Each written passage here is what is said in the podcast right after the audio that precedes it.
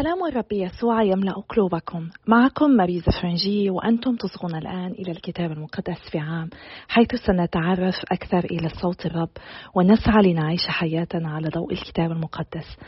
نحن مستمرون في قراءتنا من سفر التكوين إلى سفر الرؤيا. نحاول أن نكتشف قصة الخلاص وأين نحن منها. ولقد وصلنا إلى اليوم المئة والثمانية وأربعون. وسنقرأ اليوم الفصل السادس من سفر الملوك الأول الفصل التاسع من سفر الأخبار الثاني وسنصلي المزمور الرابع. فلنستمر قدما في هذه المسيرة وفي خلال بضعة أيام كما قلت. سنتوقف مع محطة ثانية مع المسيح في قراءتنا لإنجيل القديس مرقس. فلنبدأ قراءتنا لليوم. سفر الملوك الأول الفصل السادس. بناء الهيكل. وفي السنة الأربعمائة والثمانين لخروج بني إسرائيل من أرض مصر وفي السنة الرابعة من ملك سليمان على إسرائيل وفي شهر زيو وهو الشهر الثاني بنى سليمان البيت للرب. وكان البيت الذي بناه الملك سليمان للرب ستين ذراعا طولا وعشرين عرضا وثلاثين ذراعا علوا والرواق أمام هيكل البيت عشرين ذراعا طولا على محاذاة عرض البيت وعشر أذرع عرضا أمام البيت. وصنع للبيت نوافذ بعوارض مشبكة وبنى على جوانب البيت طوابق من حوله محيطة بجدران البيت من الهيكل والمحراب. وصنع في الطوابق غرفا جانبية فالطبقة السفلى عرضها خمس أذرع والوسطى عرضها ست أذرع. والثالثة عرضها سبع أذرع لأنه صنع مناكب في جدران البيت من خارج على محيطه لئلا يتعدى على جدران البيت. وبني البيت عند بنائه بحجارة جاهزة من المقلع فلم تكن تسمع مطرقة ولا إزميل ولا شيء من آلات الحديد في البيت عند بنائه. وكان باب الغرفة الوسطى عند جانب الأيمن من البيت وكان يصعد إليها في سلم لولبي ومنها إلى الثالثة.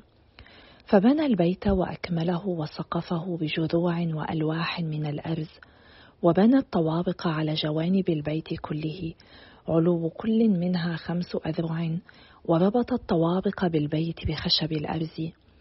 وكان كلام الرب إلى سليمان قائلا هذا البيت الذي أنت بنيه إن أنت سرت على فرائضي وعملت بأحكامي وحفظت جميع وصاياي سائرا عليها فإني أحقق معك كلامي الذي كلمت به داود أباك وأقيم فيه في وسط بني إسرائيل ولا أترك شعب إسرائيل. فبنى سليمان البيت وأكمله. الترتيب الداخلي قدس الأقداس. وبنى على جدران البيت من داخل ألواح أرز وصفح بالخشب داخله من أرض البيت إلى جوانب السقف وفرش أرض البيت بألواح سرو وبنى في مؤخر البيت على مسافة عشرين ذراعا ألواح أرز من الأرض إلى جوانب السقف بناها في داخله محرابا قدس أقداس. فكان مقدم البيت وهو الهيكل أربعين ذراعا. وكان على البيت من داخل أرز منقوش على شكل قثاء وزهور متفتحة. كان كل شيء أرزا فلم يكن يرى حجر. وهيأ المحراب في داخل البيت ليجعل هناك تابوت عهد الرب. وكان طول المحراب عشرين ذراعا وعرضه عشرين ذراعا وعلوه عشرين ذراعا. ولبسه بالذهب الخالص وكان تجاه المحراب مذبح من الأرز فلبسه بالذهب الخالص ولبس سليمان داخل البيت بالذهب الخالص ومد سلاسل ذهب أمام المحراب وقد لبسه بالذهب. ولبس بالذهب كل البيت بكامله ولبس مذبح المحراب كله بالذهب.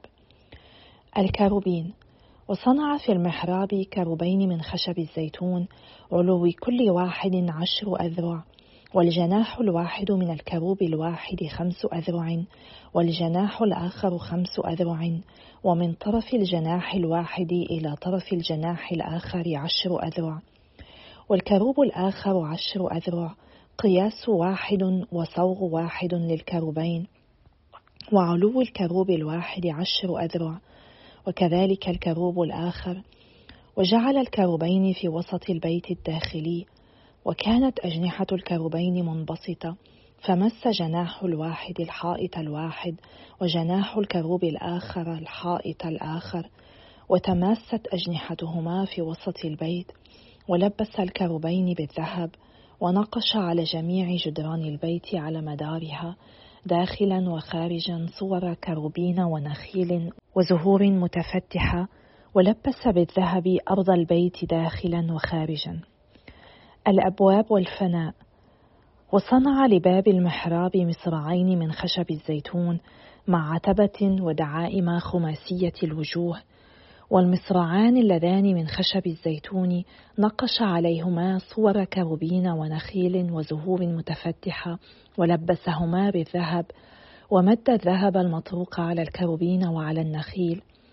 وكذلك صنع لباب الهيكل دعائم من خشب الزيتون رباعية الوجوه ومصراعين من خشب السرو للمصراع الواحد دفتان متحركتان وللمصراع الآخر دفتان متحركتان ونقش عليهما كروبين ونخيلا وزهورا متفتحة ولبسها بذهب مطروق محكم على النقش.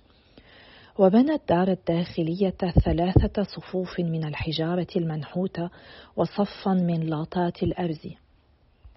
التواريخ في السنة الرابعة وفي شهر زيو أسس بيت الرب وفي السنة الحادية عشرة وفي شهر بول وهو الشهر الثامن أكمل البيت بجميع أقسامه وخواصه فيكون قد بناه في سبع سنين. سفر الأخبار الثاني الفصل التاسع زيارة ملكة سبأ وسمعت ملكة سبأ بخبر سليمان فقدمت لتختبر سليمان بألغاز في أورشليم في موكب عظيم جدا ومعها جمال محملة أطيابا وذهبا كثيرا وحجارة كريمة وأتت إلى سليمان وكلمته بكل ما كان في خاطرها. ففسر لها سليمان جميع أسئلتها ولم يخف على سليمان شيء لم يفسره لها ورأت ملكة سبأ حكمة سليمان والبيت الذي بناه وطعام مائدته ومسكن موظفيه وقيام خدامه ولباسهم وسقاته ولباسهم ومحرقاته التي كان يسعدها في بيت الرب فلم يبق فيها روح.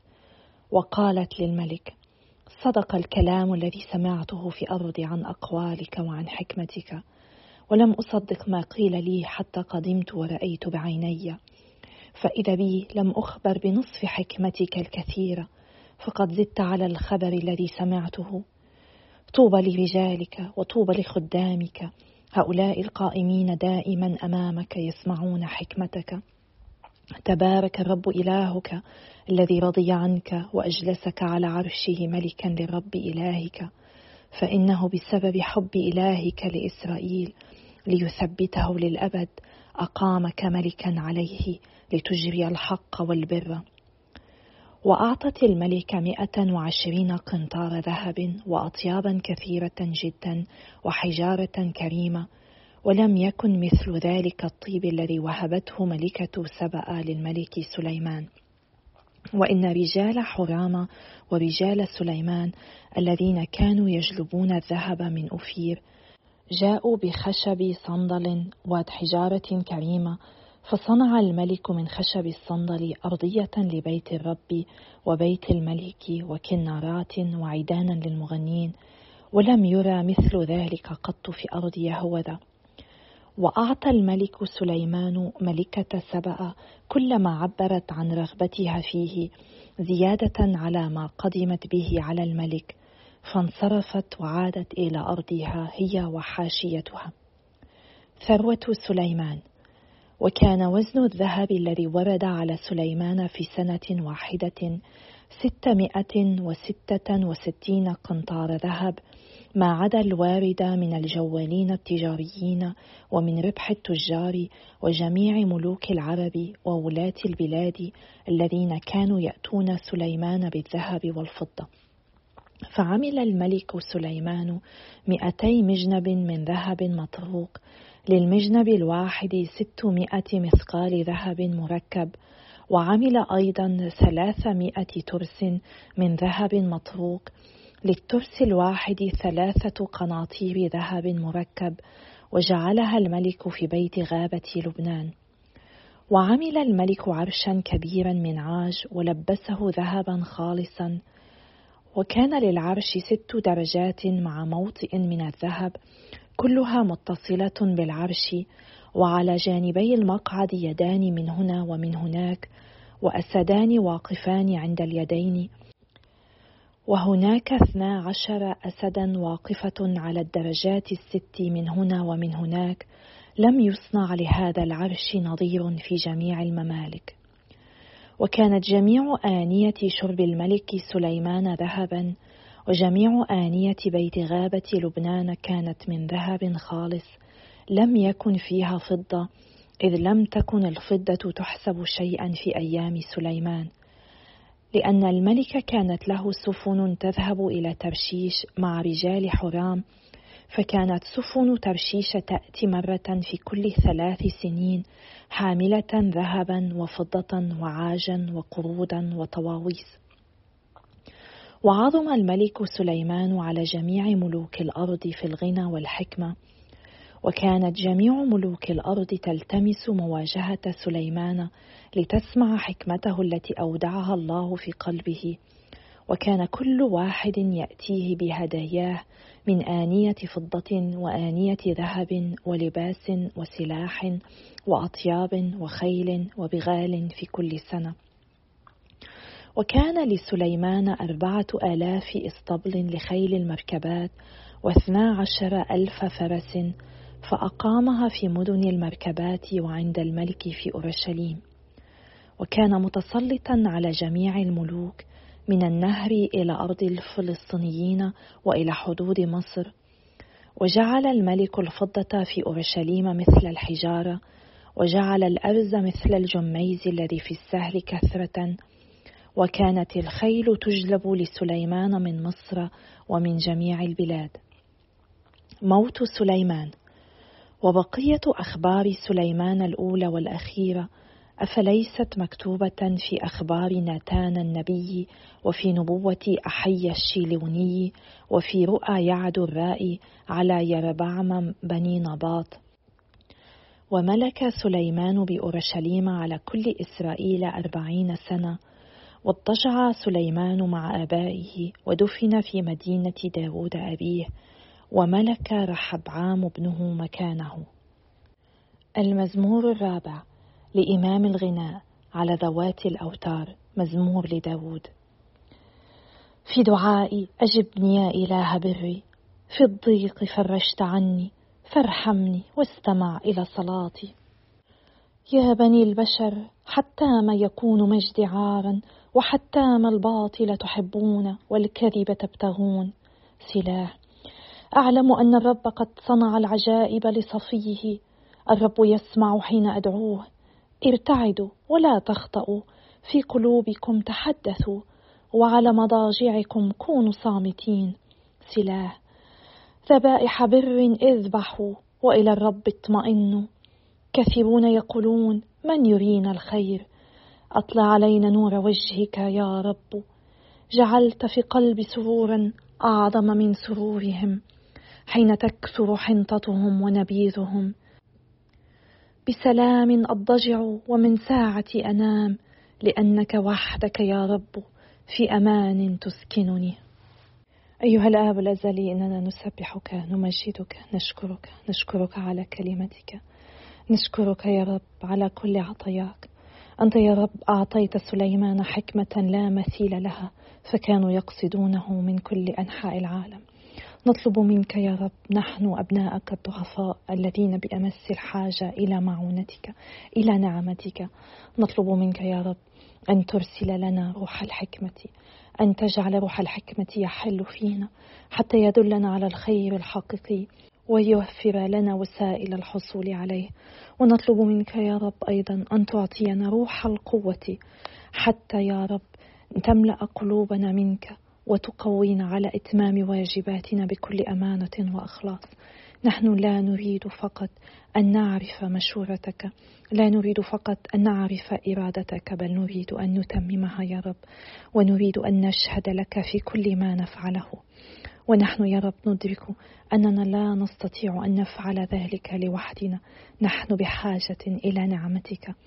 وأنت قد قلت للقديس بولس إن نعمتي تكفيك. إننا نثق أن نعمتك تكفينا ولذلك نطلب منك أن تفيد نعمتك علينا حتى نستطيع أن نشهد لك. باسم يسوع نصلي آمين. بسم الله والابن والروح القدس إله واحد آمين. سليمان الذي كان معروفا بأنه بناء عظيم بنى بيت الرب وسماه الهيكل وذلك على جبل المورية الذي يقع في الجزء الشرقي من أورشليم في نفس المكان الذي أخذ إبراهيم إسحاق ليقدمه ذبيحة لله. الآية السابعة تلفت الأنظار لأنه قيل بني البيت عند بنائه بحجارة جاهزة من المقلع ولم تسمع مطرقة ولا إزميل ولا شيء من آلات الحديد في البيت عند بنائه. ما يعني أن كل شيء قد جهز قبل أن أحضر إلى موقع الهيكل حتى لا يسمع أي صوت. وهذا يعني أن العمل تم في بيت الرب بهدوء. أنا لا أستطيع أن أتخيل أنه كان هناك صمت تام خلال سبع سنين في بناء الهيكل ولكنهم كانوا يسعون للحفاظ على الصمت المقدس في هذا المكان المقدس وكانوا ينفذون وصية الله في عدم استخدام الآلات الحديدية في بناء مذبحه أو هيكله حتى لا يتشبه بمعابد الأوثان التي تستخدم فيها هذه الآلات لصنع التماثيل فيها. يمكننا أيضا أن نرى في الحجارة رمز للمؤمنين المبنيين كحجارة حية في جسد المسيح أي الكنيسة ونحت الحجارة يمكن أن يرمز للآلام التي يعانيها المؤمنون على الأرض، أما في الهيكل الذي يرمز للسماء فلا يوجد فيه نحت، أي لا يوجد فيه آلام. الحفاظ على الصمت المقدس في بيت الله هو واجب على كل واحد منا. للأسف نحن غالبا ما تتحول كنائسنا بعد القداس أو حتى ربما قبل الذبيحة الإلهية تبدو وكأنها ساحة طلاق بين الأشخاص. ربما قراءة اليوم هي دعوة لكل واحد منا أن نسعى لنكون مثلا لغيرنا لأن نحافظ على الصمت المقدس داخل الكنيسة. وهذا يتطلب منا مجهودا لأنه من السهل جدا علينا أن نتجاوب مع الآخرين ونبدأ بمحادثتهم عندما يطرح علينا السؤال إن الحفاظ على الصمت في الكنيسة يتطلب منا جرأة واحترام ومحبة للأشخاص الذين يأتون إلينا ليتحدثوا معنا. يمكننا أن نطلب منهم تأجيل الحديث لوقت لاحق عندما نكون خارج الكنيسة. أنا أسعى دائما لأجعل ذلك فرصة لأشرح لهم خارج الكنيسة أنني أحاول الحفاظ على الصمت داخل الكنيسة وعلى التحدث فقط مع الرب لا مع الأشخاص الموجودين هناك.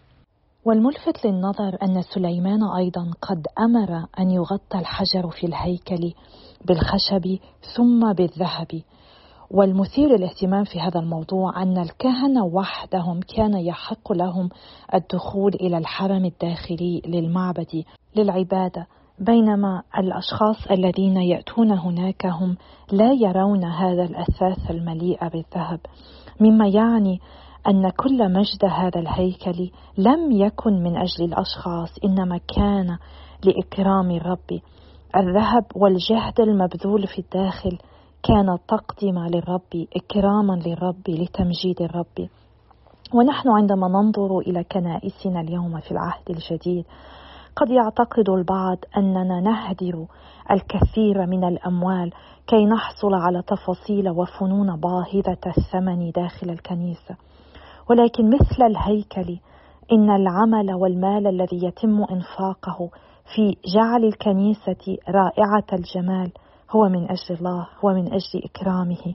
عندما نتمكن من رؤية هكذا جمال والمشاركة فيه هذا يساعدنا في عبادتنا لله. إن جمال الأمور جمال الطبيعة أي جمال يذكرنا بالله ويساعدنا على عبادته بطريقة أفضل.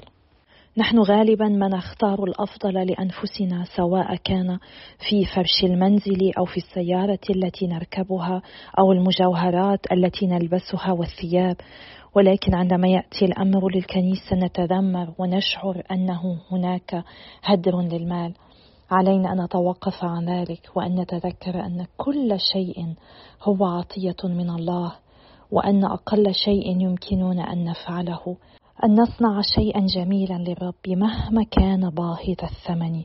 وعلينا أن لا نركز فقط على جمال الأبنية جمال الكنائس والمعابد والمزارات إنما على جمال نفسنا لأننا نحن هيكل للروح القدس نحن مسكن لله. علينا أن نسعى دائما كي نكون نظيفين كي نكون نقيين طاهرين من الداخل. حتى يجد الرب له مسكنا في قلوبنا ويملك على حياتنا. والطريقة الأفضل لفعل ذلك هي في الابتعاد عن الخطيئة والتوبة كلما خطئنا بنيل سر الغفران. في سفر الأخبار قرأنا عن ملكة سبأ التي جاءت من بلادها البعيدة لترى مجد سليمان فاكتشفت عظمته التي لم تكن تتخيلها. وعلينا نحن أن نتذكر دائما أن نأتي إلى الله أن نتعرف عليه أكثر من خلال الكتاب المقدس من خلال الأسرار المقدسة والكتب الروحية والكنيسة. وعلينا أن نثق أن الله سيكشف لنا اعماقا من محبته فتزيد معرفتنا به ويزيد تعمقنا بعلاقتنا الشخصية معه. لأننا نسعى إلى ذلك. هو يلاقينا هو ينادينا هو قد سعى إلينا اولا بتجسده ولكن علينا نحن أن نقترب منه وندخل في أعماقه ونختبر حبه الشخصي العميق لكل واحد منا. نرى أن سليمان الذي بنى هيكلا رائعا لمجد الرب يجمع الثروة أيضا لنفسه ولمجده. ونرى تلميحات أن سليمان يحاول أن يعطي صورة عن القوة ولكنه في الواقع لم يكن قويا. إن كل دروعها الذهبية الباهظة الثمن لم يكن منها فائدة في المعارك مما يعني أن سليمان كان فقط يسعى ليظهر بمظهر قوي مظهر غني. وعلينا نحن أن نسأل أنفسنا ما إذا كنا نسعى لأن نقدم صورة للعالم تظهر حكمة أو قداسة أو قوة بدلا من أن نعيش حياتنا حقا كأشخاص حكماء أو قديسين أو أقوياء.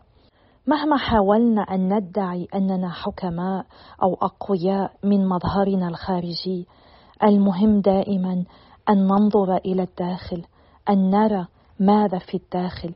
أن نسعى لنكون حكماء لنكون أقوياء لنعيش هذه القداسة من الداخل إلى الخارج. نحن في بعض الأحيان نكون ضعفاء وهذا طبيعي لأننا بشر في النهاية. ولذلك علينا أن نطلب من الرب دائما النعمة حتى يستبدل واقعنا الداخلي مع كل ضعفنا. ليتناسب مع رغبات قلبنا بأن نكون أقوياء بأن نكون قديسين. فلنقضي بعض الوقت اليوم نتأمل في أي صورة نظهرها للعالم وهل هي تعكس ما في بداخلنا فلنتذكر الرب يسوع الذي أنب الفريسيين والكهنة وقال لهم إنهم أشبه بالقبور المكلسة ظاهرها جميل أما داخلها فممتلئ من عظام الموت وكل نجاسة. لذلك علينا أن نطلب من الرب النعمة كي لا نظهر وكأننا أبرار وداخلنا فيه إثم. فلنصلي من أجل بعضنا البعض كي نستطيع أن نمتلئ من نعمة الرب ومواهبه وبركاته وفضائله وأن نعكس ذلك في كل ما نقوله ونفعله. ولنستمر في الصلاة من أجل بعضنا البعض وأنا أصلي لكم كل يوم وإلى اللقاء غدا يوم آخر إن شاء الله.